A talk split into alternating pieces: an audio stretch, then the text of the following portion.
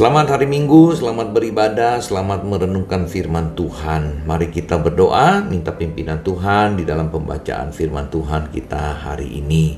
Renungan seorang murid terambil dari kitab Mazmur nomor yang ke-36.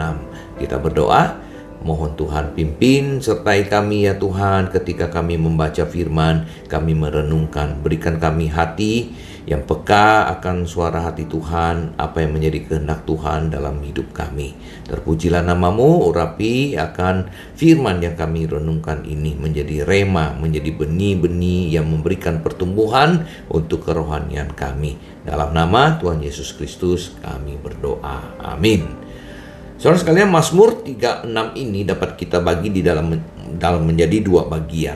Dari ayat yang pertama sampai ayat yang kelima, kemudian ayat 6 sampai ayat yang ke-13. Ayat pertama dan sampai ayat yang kelima saudara di sini menunjukkan kehidupan orang yang tidak takut pada Tuhan. Di dalam ayat kedua dikatakan rasa takut kepada Allah tidak ada pada orang itu. Dan kemudian di bagian yang kedua ayat 6 sampai ayat yang ke-13 Saudara di situ menggambarkan orang-orang yang berlindung kepada Tuhan. Di dalam ayat yang ke-8 dikatakan di sini Saudara, betapa berharganya kasih setiamu ya Allah. Anak-anak manusia berlindung dalam naungan sayapmu. Nah, inilah bedanya Saudara ya, orang-orang. Nah, kita lihat di sini Saudara, bagaimana akan kedua kelompok orang ini di dalam kehidupannya. Karakternya berbeda, sifatnya yang berbeda.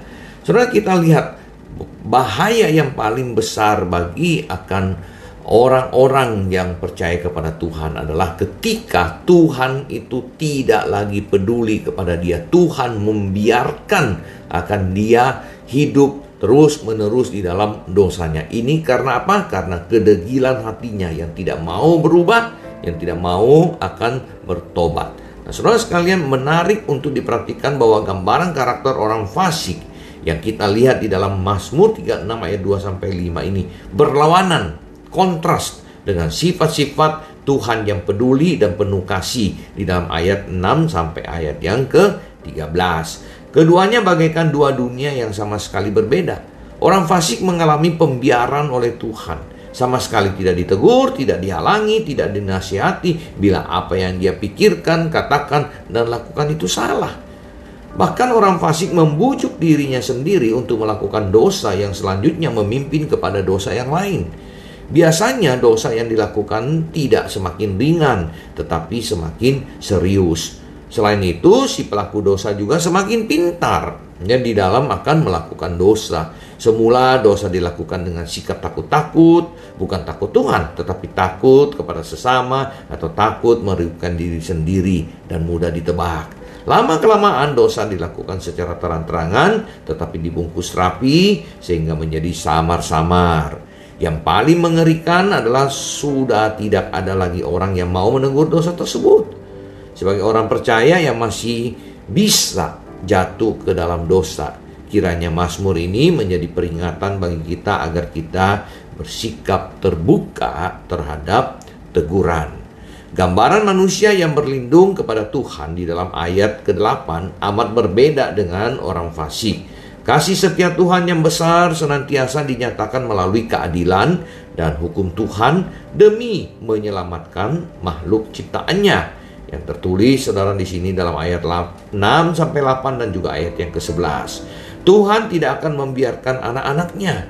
Ada sedikit petunjuk dari Daud dalam ayat yang 9 yang menjadi bagian yang harus kita kerjakan untuk mengenal kasih setia Tuhan, yaitu makan dan minum dari sungai kesenanganmu dari sumber itu sendiri yaitu dari Tuhan.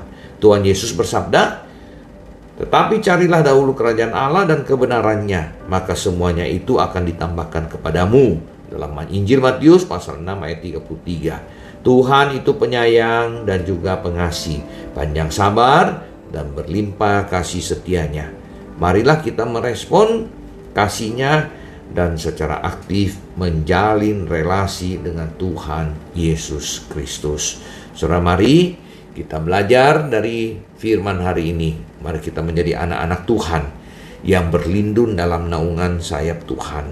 Bukan orang-orang yang dikatakan di sini bahwa rasa takut kepada Allah tidak ada pada orang itu. Yang manakah saudara? Saya percaya saudara semuanya adalah anak-anak manusia berlindung dalam naungan sayapnya, sayap Tuhan. Amin saudara. Amin. Haleluya. Kita berdoa.